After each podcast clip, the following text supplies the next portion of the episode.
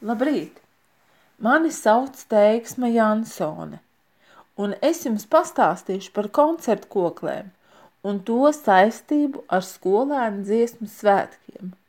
Šodien latvieši, lai stiprinātu latviskumu, kā arī apliecinātu un nodot nākamajām paaudzēm piederības sajūtu Latvijai, svin tradicionālos svētkus – Lieldienas, Jāņus, Ziemassvētkus.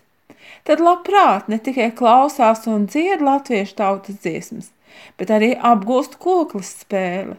Dziesmu svētkos, kas tiek uztverti kā tautas svētki, kokļu klātbūtne ir visnotaļ piederīga, par ko liecina kupli apmeklētie kokļu mūzikas koncerti.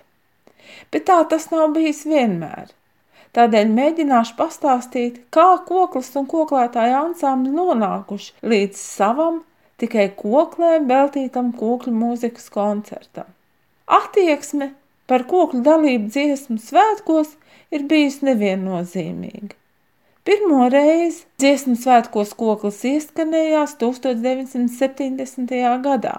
Apmēram 30 koklētājs apvienojās kopā ansamblī un uzstājās deju koncertā Daugavas stadionā.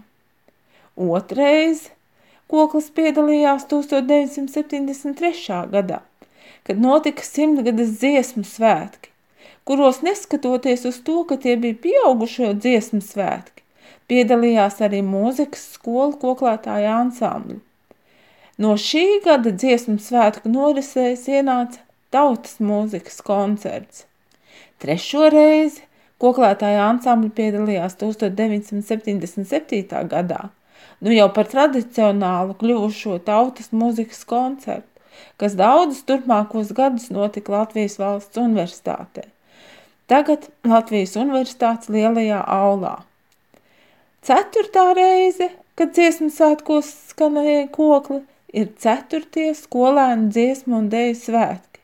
Tādēļ turpmāk runāšu tikai par skolēnu dziesmu svētkiem – kaut arī tie paši mūzikas skolu bērni piedalījās gan vispārējos latviešu tautas dziesmu un deju svētkos, gan skolu jaunatnes dziesmu un deju svētkos.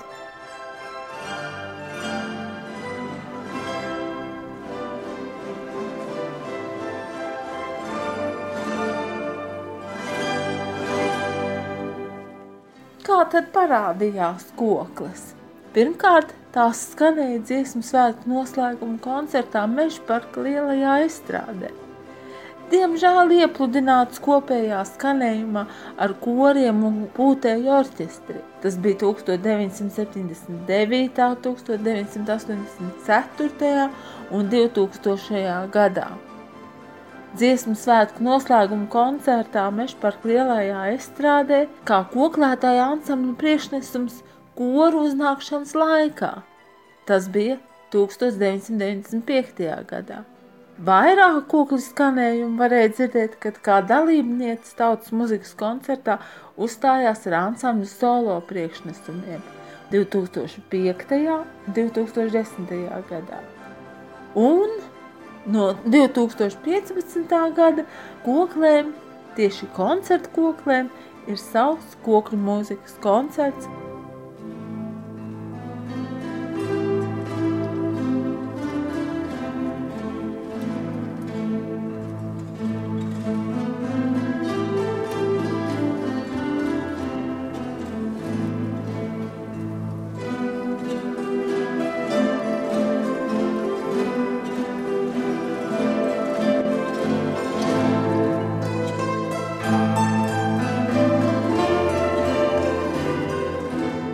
Padomju gados Latvijā bija ļoti izvērsts arodu skolu tīkls, ko sauca par darba rezervē, arī par profesionālu tehnisko skolu sistēmu, kas ilgus gadus Jāņa Brodaļa vadībā bija viena no labākajām visā padomju savienībā. Profesionāla tehniskās skolas piedāvāja plašas un daudzveidīgas ārpus klases nodarbību iespējas. Vadītājs Jānis Brodelis uzskatīja, ka jauniešiem ne tikai jāapgūst amata prasmes, bet arī kaut kas no daļajām mākslām.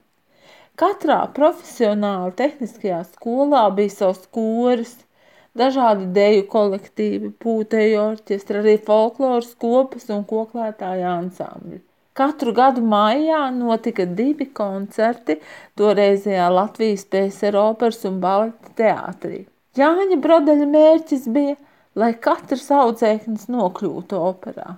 Atceros, kā viņš teica, ka katrā audzēknī ir kāds talants, un ja nav, tad jau no sistu bundziņas var iemācīties.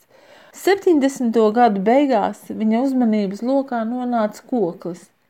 Viņš vēlējās, lai meitenes mācītos spēlēt. Jānis Brodels gādēja, lai būtu instrumenti. Bija iespēja par lētu naudu Lietuvā nopirkt tādu kanklis, koklis hibrīdu instrumentu, kas kopš 1973. gada ienāca Latvijā, jo bija problēmas ar meistariem, kas izgatavot latviešu koklis. Šuva tērpus algoja vadītājus. Viņš bija pārņemts ar kvantitāti lai koklētāju būtu daudz, lai viņi spēlētu dziesmu svētkos lielajā estrādē. Tā laika programmiņas neatšifrē, kādi ansambļi, no kādām skolām, kas ir tie cilvēki, kas vada šīs meitenes. Un visa informācija slēpjās zem vārdiem apvienotais koklētāju ansamblis. Atceros, ka 70. gadu beigās starp vadītājiem bija Aloīzijas Jūsmiņš 34. proftehniskajā skolā, Mirdze Tetera Gulbenē, Ieva Putniņa Cēsīs, Anita Vanaga Rīgā 26. profesionāla tehniskajā skolā. Protams, kvalitāte tika uzlabota ar palīgiem no mūzikas skolām, piemēram, Cēsu mūzikas vidusskolas audzēknēm, kā arī koklētāja ansambla teiksme – Šis ansamblis oficiāli skaitījās pie profesionāla tehniskās izglītības kultūras nama, tādēļ pilnīgi obligāti vajadzēja palīdzēt studēt. Tāpat kā Gido Kokar Dailē, kas arī bija pie šīs sistēmas, vajadzēja dziedāt ar arodskolas koriem, bet lai nu kā tas arī nebūtu, arodskolnieki uznāca uz mežparka lielās estrādes un sniedza savu priekšnesumu.